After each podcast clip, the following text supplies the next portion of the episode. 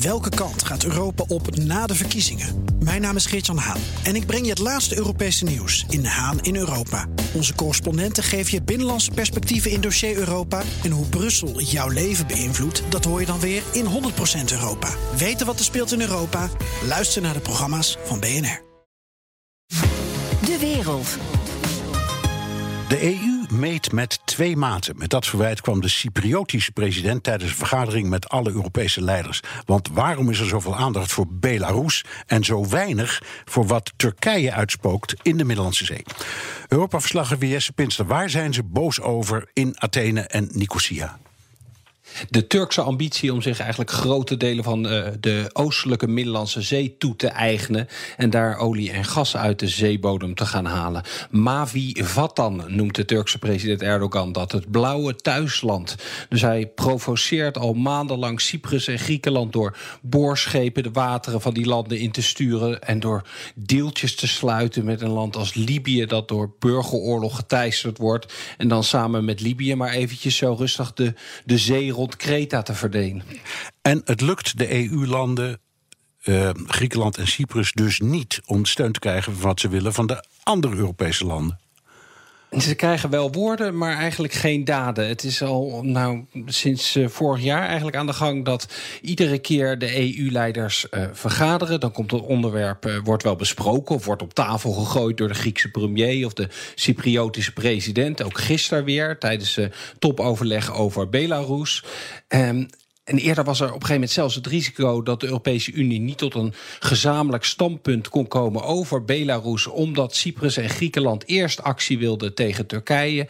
Maar ja, nou ja, het, het blijft bij woorden richting Ankara geen harde sancties. Maar ja, de EU is ook ja, een beetje verdeeld over wat de aanpak moet zijn. Kijk, het is of hard optreden met het risico dat het misschien uit de hand loopt. Of het is ja, voorzichtig te werk gaan in de hoop dat er misschien een diplomatieke oplossing te vinden is. En ja, dat tweede kamp lijkt het voorlopig in ieder geval te winnen. Dus schuiven ze het onderwerp iedere keer maar een beetje voor zich uit. Het gaat nu naar ministers van Buitenlandse Zaken die in Berlijn bijeenkomen volgende week. En dan vervolgens gaat het naar een speciale EU top in september. Maar nou ja, vooral de ruimte creëren om het niet te laten escaleren. Dat lijkt uh, toch uh, de, de manier van aanpakken. Het is ook een beetje een ingewikkeld verhaal met onduidelijke zeegrenzen mm. en hele landen die een rol in dat conflict spelen. Waar ligt nu de kern van het probleem?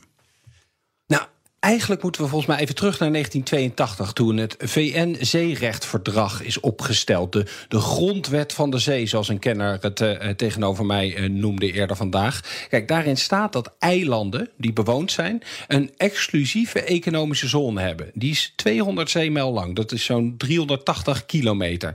Nou, liggen er nogal wat Griekse eilandjes vrij dicht op de Turkse kust.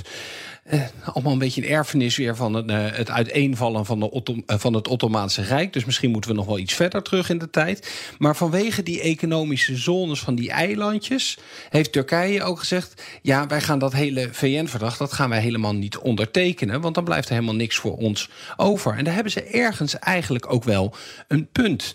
En nou zit er in dat hele verdrag ook wel een manier waarop je dan dat soort conflicten nou ja, gaat bespreken. Ga je een oplossing zoeken van, nou ja, waar ligt dan in het midden uh, ergens die grens die we moeten vinden. Maar ja, als je geen ondertekenaar van dat verdrag bent, is het lastig om die hele procedure te gaan gebruiken.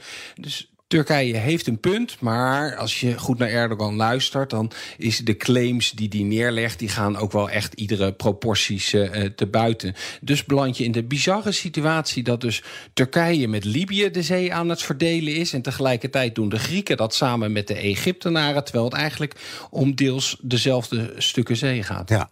Worden er pogingen ondernomen om die exclusieve situatie onder controle te krijgen? Uh, Angela Merkel is er wel druk mee bezig om ze in ieder geval aan tafel te krijgen. Daarom is Duitsland ook een van die landen die, die op de rem trapt als het gaat om, om met sancties te komen uh, nu al.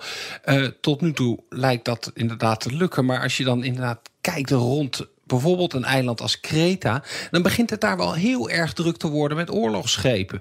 Want het is echt een, een internationaal conflict waar Egypte, Libië, Amerika, Frankrijk allemaal een rol in spelen Soms omdat ze een oliebedrijf hebben, soms omdat ze gewoon aan de Middellandse Zee liggen. Dus er dobbert nu bij Kreta bijvoorbeeld een gigantisch Amerikaans oorlogsschip, de Herschel Woody Williams. Dat is 230 meter lang. Dat is eigenlijk een soort drijvende legerbasis. Dan heb je fregatten uit Frankrijk. Er is er zelfs een uit Rusland die daar nu rondvaart.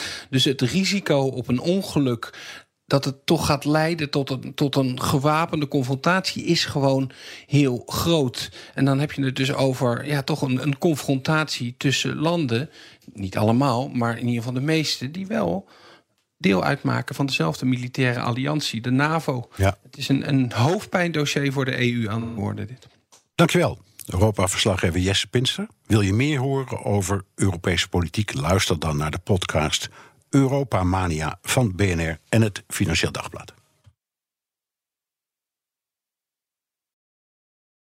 Ook Diana Matroos vind je in de BNR-app. Ja, inderdaad. Je kunt live naar mij luisteren tijdens de Big Five. Ook handig in de BNR-app. Breaking nieuwsmeldingen, maar ook het allerlaatste zakelijke nieuws. En je vindt in de app alle BNR-podcasts, waaronder Wetenschap Vandaag. Download nu de gratis BNR-app en blijf scherp.